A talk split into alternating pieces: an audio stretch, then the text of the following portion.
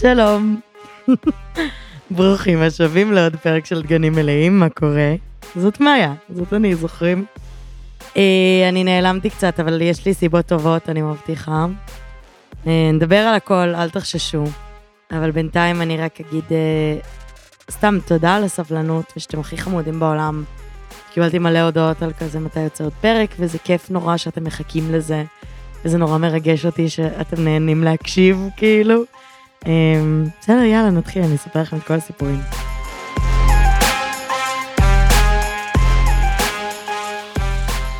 אז ככה, בגדול היה איזה אירוע רפואי, אה, אני לא הולכת לפרט יותר מדי, כי זה כאילו אישי כזה, אבל אה, אני כן אגיד שעברתי ניתוח בהרדמה מלאה, שזה דבר שלא עשיתי, כאילו לדעתי עברתי איזה ניתוח כשהייתי בת שלושה חודשים בדרכי השתן, אבל אה, זה לא משהו שאני זוכרת, לא הייתי בהכרה כשזה קרה.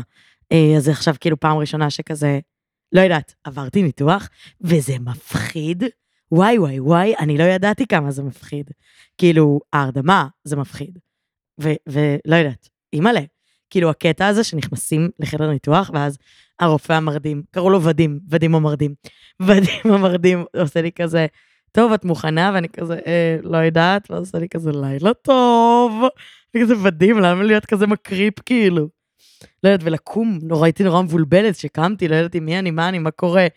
אמ, אבל עבר בהצלחה, הכל בסדר, אני בטוב, זה לא משהו שצריך לחשוש ממנו, אבל זה כן גרם לי להיות קצת באאוט אה, איזה שבוע כזה, כי הייתי מאוד טרודה וחששתי מזה וכזה. יש, יש בזה איזה חוסר אונים, כאילו, זה גם פתאום להתמודד עם כל מיני כזה בירוקרטיות של בית חולים וכל מיני טופס 17, כל מיני דברים שאני לא באמת יודעת להתמודד איתם. אמ, אבל עברתי את זה, ועבר בשלום. ועכשיו אני כזה בהתאוששות, סמי, תכלס אני עושה דברים, אבל אני אמורה להיות יותר בהתאוששות. אמ, נגיד להקליט, אני לא אמורה להקליט עכשיו, אבל אני מחויבת. סתם, אני, אין, אין מניעה מלהקליט, אני עדיין בבית שלי, אני עדיין על הספה, הכל בסדר, אתם לא מסכנים אותי, אל תרגישו רע. זהו, אז בגדול, כאילו, רק רציתי לעדכן למה נעלמתי. זו סיבה טובה, לא עברתי ניתוח. זה מרגיש לי סיבה מה זה טובה להיעלם. היו לי סיבות פחות טובות, כמו הייתי עצובה. זאת סיבה ממש לגיטימית, זה היה דבר, יש לי אישור מהרופא, יש לי אישור מחלה, עזבו אותי. זה נורא קשה להיות עצמאית. אין באמת אישור מחלה, אין לי למי להגיש את זה.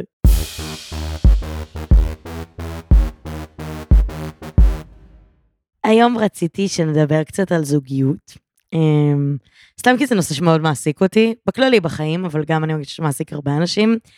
ואצלי זה קצת מורכב, כי אני בזוגיות אה, עם אדם מקסים ומהמם, שלא רוצה להיחשף, וזה הכי לגיטימי בעולם, כן, זה הבחירה שלו לא להראות את חייו, לחשוף את חייו, לשמור על הפרטיות שלו, הכל ממש לג'יט. זה פשוט ממש מקשה עליי כשאני רוצה לדבר על זוגיות, כי אז אני לא יכולה לדבר על בן אדם שלא רוצה שידברו עליו. אמ, אז אני אדבר בכלליות. ויכול להיות שמדובר במערכת היחסים הנוכחית שלי, ויכול להיות שמדובר במערכות יחסים קודמות ואף אחד לא ידע באיזה נושא מדובר. סתם, אני, אני אגיד ש, שמצד אחד יש בזה משהו ממש כיף, בזה שאני לא מדברת על הזוגיות שלי, בזה שיש לי איזה משהו שהוא סודי, שהוא שלי, שהוא שמור, שאני אפילו לא צריכה להרגיש רע על זה שאני לא מדברת עליו, כי זה לא שלי לספר. ומצד שני, ולא יודעת, בא לי לדבר על מלא דברים שקורים בחיים, כאילו, כי זוגיות זה חלק נורא משמעותי מהחיים שלי, של כולם, כאילו. אז אני אדבר על דברים קצת כלליים, ומקסימום, אני לא אספר שום דבר על הבן אדם שאיתו, אימו, האדם שאימו אני יוצאת ונמצאת במערכת יחסים מסוג זוגית.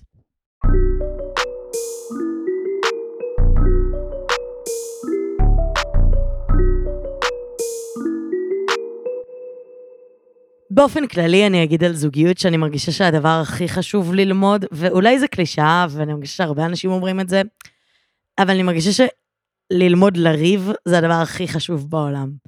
כי יש את הזוגות האלה שלא רבים, לא יודעת איך זה קורה, לא יודעת מי אתם. שאפו, לא יודעת, בהצלחה עם זה, אני לא יודעת להיות הבן אדם הזה. אני מרגישה שכאילו בסוף בזוגיות יש איזה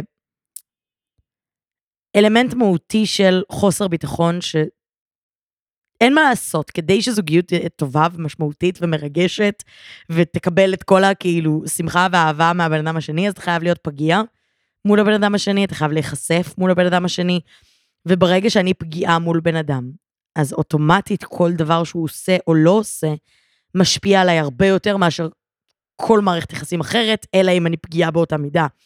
אבל בסוף בזוגיות יש איזה עירום כזה, לא פיזי, עירום אמ, של הנפש, כאילו.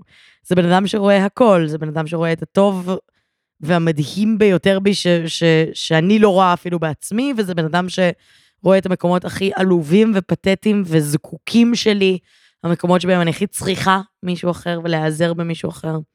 אמ, ואני מרגישה שברגע שאתה כל כך פגיע מול בן אדם אחר, שרואה אותך בסיטואציות הכי ערומות וחשופות האלה, אז, אז יש הרבה מקום שיש בו חיכוך. כי כשאני כל כך פגיעה ובן אדם אחר לא מכיל אותי בצורה שהייתי רוצה שיכילו אותי באותה שנייה בדיוק, אז, אז זה מגיע למקומות שהם נפיצים. וכשזה מגיע למקומות שהם נפיצים, זה עניין של ללמוד איך לריב, ואני עוד לומדת מאוד מאוד מאוד, ממש אני לא טובה בזה עדיין. אני א', אוטומטית בוכה, דבר ראשון מתחיל ריב, ישר בוכה לפני כל דבר אחר. שכאילו, אני שונאת את זה בעצמי, אני שונאת את זה שאני ישר בוכה, כשאני כועסת, שאני מתוסכלת, שאני נעלבת, הדבר הראשון שקורה זה שאני בוכה, וזה מרגיש לי כאילו... אני מרגישה קטנה, ואני מרגישה חלשה, ובאותה נשימה זה מרגיש לי גם אקט ממש אגרסיבי. כי ברגע שאני בוכה בריב, אז אוטומטית הצד השני הוא התוקף. ברגע שאני מתחילה לבכות, אז אני הקורבן, והצד השני הוא התוקף, למרות שזה לאו דווקא הסיטואציה שקורית פה, אבל בגלל שהמנגנון האוטומטי שלי הוא לבכות, אז, אז כל בן אדם שבאינטראקציה מולי חייב פתאום להתגונן מזה ש, ש, שהוא לא תקף אותי, שהוא לא עשה לי כלום, שלא כאילו קרה משהו, כי אני באמת בוכה מכלום. אני, אני, כאילו, הבדיחות עליי ב, ביסודי היה שאני כאילו, לא יודעת, פונים אליי, אני בוכה, אוטומטית בוכה. תמיד, תמיד, תמיד, דמעות זה הפתרון להכל.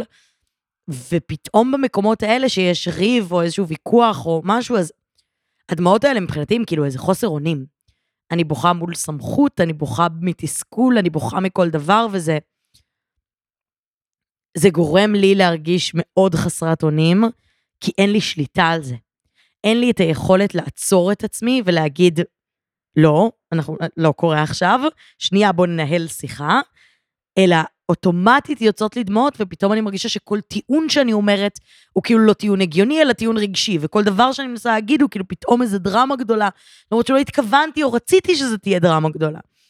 אמ, אז הדבר המרכזי שאני עובדת עליו בריבים, רגע.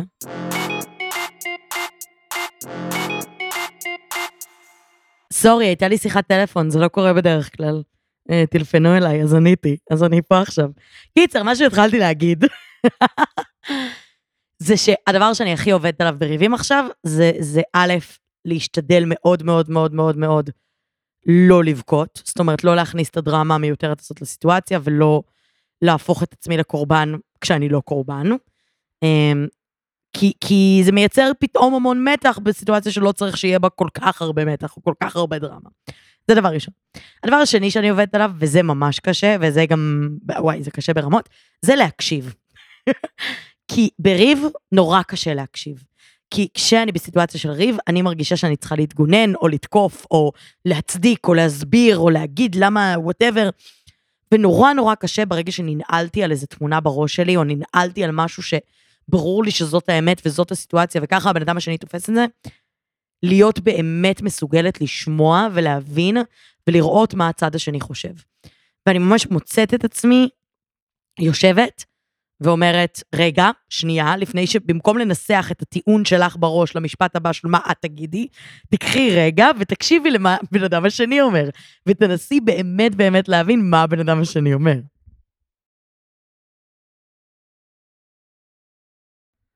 וזה ממש קשה. באמת זה קשה, אני לא אומרת שזה קל, אבל זה ממש משתלם. כי יש רגעים כאלה בתוך ריב של לדעת לעצור, להקשיב לבן אדם השני ולהגיד, וואלה, אתה צודק, אני לא ראיתי את זה ככה. ופתאום לתת לגיטימציה לרגשות של הצד השני, ולתת לגיטימציה לחששות ולפחדים, ולראות רגע את הסיטואציה לא רק מהזווית הפרטית שלי, של מאיה, של איך אני מרגישה בתוך הסיטואציה הזאת, אלא לנסות לראות באמת את המכלול. שזה כאילו, א', הדרך היחידה הטובה לפתור את הדבר הזה, ששני הצדדים באמת יעשו מאמץ להקשיב ולהבין אחד את השני, וגם זה מרגיש ממש טוב. בסוף, בסוף, בסוף, להודות בטעות זה אומנם מבאס, זה לא תחושה כיפית, אבל להצליח לפתור ריב מתוך הבנה אמיתית של הצד השני, זו תחושה ממש ממש טובה. כי זה לא מגיע מ... טוב, בסדר, אני אוותר, אני אגיד סליחה למרות שאני לא מצטערת כדי שנהיה בטוב, אלא זה מקרב, וזה גורם לצד השני להרגיש יותר בנוח להגיד דברים גם כשזה לא בפיצוץ. וזה כאילו פתאום מייצר איזו סיטואציה כאילו ממש טובה. אז אני, אני כן אמליץ, המלצה ממני, ממני מאיה.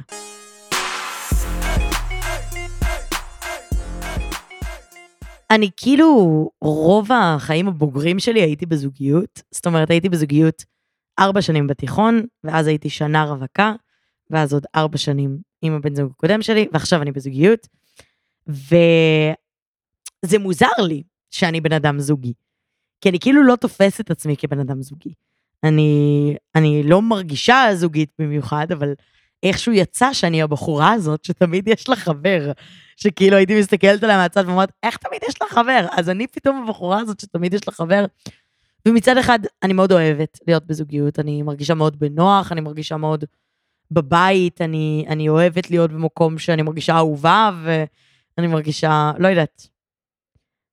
אני אוהבת להיות, כן, כן, אני אוהבת להרגיש אהובה, ואני אוהבת לתת אהבה חזרה. זו תחושה מאוד מאוד נעימה. אה, אבל מצד שני, גם אני מרגישה שהמון פעמים הזוגיות אה, מכניסה אותי לאיזה comfort zone יותר מדי נוח. כאילו, יותר מדי קל לי בזוגיות, יותר מדי קל לי להיות במקום הקל והבטוח, ועם, ועם חבר שלי על הספה ולראות טלוויזיה. Um, וזה המון פעמים משאיר אותי באיזה אזור שהוא לא פורץ איזה גבול או איזה אזור נוחות, כי בסוף אין מה לעשות, כשאת רווקה את יותר פתוחה לעולם. את יותר פתוחה להזדמנויות שהעולם מציע, את יותר פתוחה לאנשים חדשים להכיר אותם, כי אולי יצא מזה זוגיות, אבל כאילו גם, את פשוט יותר פתוחה בכללי. ובא לי להיות ככה פתוחה גם כשאני בזוגיות. בא לי להיות פתוחה לעולם ו... ו... ותקשורתית וחברותית באותה מידה שהייתי גם אם הייתי רווקה, כי לא יודעת, בא לי כאילו להכיר עוד אנשים. לא בקטע שחסרים לי חברים, יש לי מספיק חברים, הכל טוב, אבל אנשים זה הדבר הכי מעניין מבחינתי בעולם, הדבר שהכי מעניין אותי זה אנשים, זה סיפורים של אנשים, ווואלה, להכיר אנשים חדשים, זו הזדמנות לשמוע סיפורים חדשים, לא?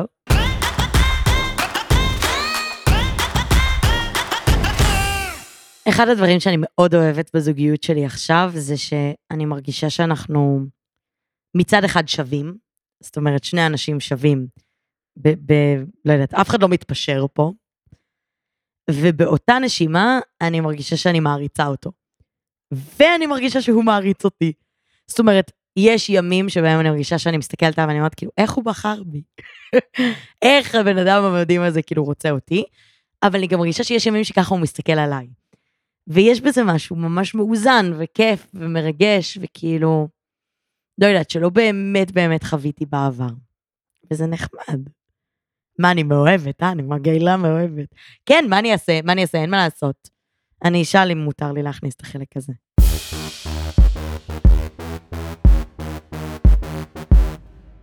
כאילו, אני מרגישה שהמון פעמים אנשים מתפשרים בזוגיות שלהם, כי הם מפחדים נורא לא למצוא מישהו, או, או, או מפחדים שלא יאהבו אותם, או מפחדים שכן יאהבו אותם. כאילו, יש איזה חשש נורא גדול מזה שמישהו יראה אותי באמת. והמון פעמים, אם אני בוחרת במישהו שהוא לאו דווקא בדיוק מה שאני מחפשת, אבל בערך מה שאני מחפשת, אז זה יכול לכסות על כל מיני מקומות שבהם אני חסרה ביטחון מול עצמי. זה יכול לכסות על הפחדים שלי, שיראו אותי, שידעו מי אני, ש... שיאהבו אותי באמת, כי, כי אני מרגישה חזקה פתאום בסיטואציה, כי מישהו הסכים לאהוב אותי, כי מישהו נתן לי פתאום את החיזוק הזה ואת האהבה הזאת, וזה מפחיד להיות ככה חשוף. אבל זה ממש משתלם לדעתי. כאילו, ב, אתם יודעים, בלאהוב ולהיפגע או לא לאהוב בכלל, חד משמעית לאהוב ולהיפגע. לאהוב ולהיפגע all the way, זו עמדתי ואני תומכת בה, כי, כי כן, זה שווה את זה. זה ממש ממש שווה את זה. אני מוכנה לספוג את העצב, תמיד, בשביל לקבל את השמחה. כי כי כשאני בוחרת בן זוג או פרטנר או מישהו להיות איתו, זה לא עניין עכשיו של כאילו, האם אני אבלה עם הבן אדם הזה את כל החיים שלי. זה העניין של האם נעים לי לצד הבן אדם הזה עכשיו בדרך שבה אני הולכת. ואם הבן אדם הזה הוא פרטנר טוב להליכה הזאת, ואם אני מרגישה שהוא עוזר לי בהליכה הזאת ו- ומרים אותי, או אפילו הולך קצת לפניי ואני מרגישה שאני צריכה להגביר את הקצב, אבל אין לי את הפחד הזה שדברים ייגמרו כי, כי יש אותם עכשיו. כי אם הם ייגמרו ונלך בדרכים שונות, אז, אז ברור, זה קשה וזה כואב וזה חרא, חרא, חרא סיוט, אבל, אבל, אבל זה, זה מה שהיה צריך, כאילו. הוא ליווה אותי בדרך המסוימת שהלכתי בה. והוא הלך בזמן שבה הוא צריך ללכת. ואולי זה נשמע רוחניקי, ואני ממש לא רוחניקית, אבל אני באמת מרגישה שבדברים האלה אנשים מתאימים לתקופות מסוימות, זה גם על חברות נכון, כאילו, אנשים מסוימים באים בטוב בתקופות מסוימות, ו- ו- ולפעמים זה פשוט לא מתאים יותר, וזה סבבה. זה כל הזמן להיות כאילו עם היד על הדופק, על האם נעים לי וכיף לי עם הבן אדם הזה, ורק אז להיות שם, ולא להיות שם אם לא נעים לי ולא כיף לי.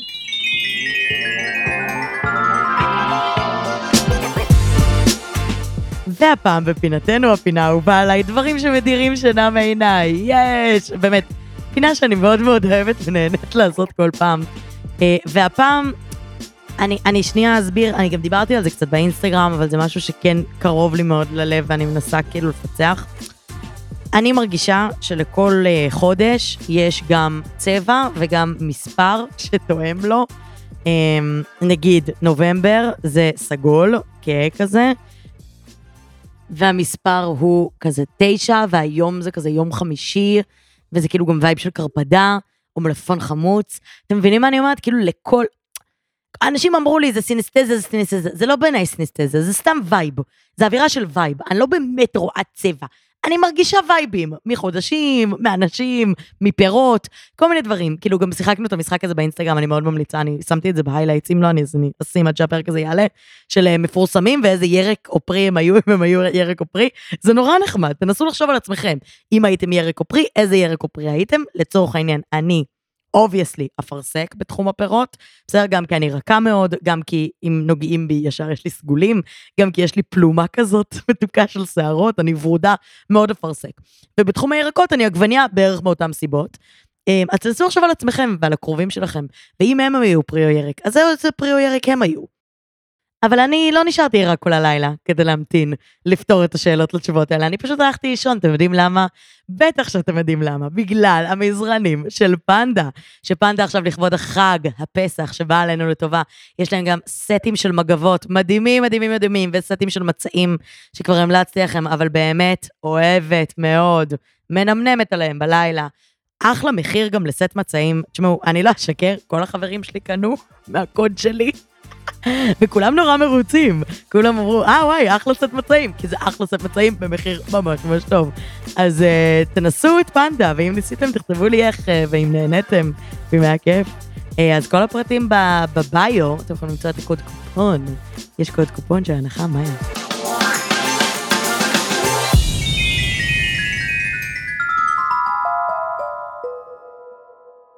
ובזאת, אני חושבת שאנחנו נסיים את הפרק של היום.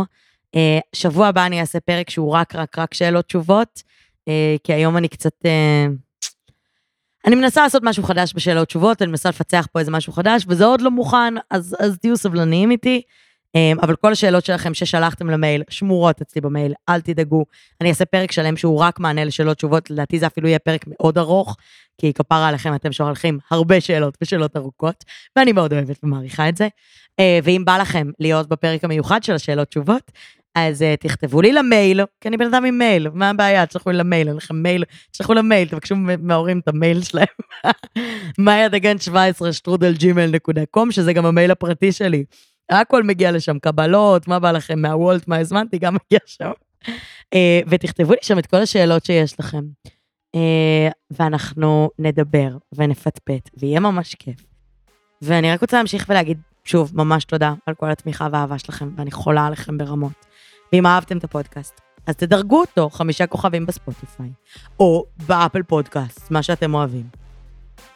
ובאפל פודקאסט אפשר גם להשאיר ביקורת, אני קוראת את כל הביקורות, אני אשמח שתכתבו ביקורת טובה אם אהבתם. והדבר שהכי עוזר לי זה שתשתפו את, ה, את הפרק הזה או את הפודקאסט הזה בין אם בסטורי שלכם, בין אם תשלחו לחבר או חברה שאוהבים, שמעניין, תשלחו לבן זוג, לבת זוג. אה, סליחה שהפרק הזה היה גם ממש סטרייטי, אני ממש מצטערת, אני כאילו, פתאום זה המקומות שאני כאילו נזכרת כמה אני סטרייטית. כי כשאני מדברת על זוגיות, אני מדברת רק על בנים, אבל כזה, וואי, סורי, הטרו ברמות. אה, זהו, אז אני אגיד תודה לשם הפודקאסטים ויצירות סאונד על ההפקה, תודה לדור קומט על העריכה, תודה לכם שהקשבתם, שיהיה לכם אחלה של שבוע, אני חולה עליכם. ביי יוש.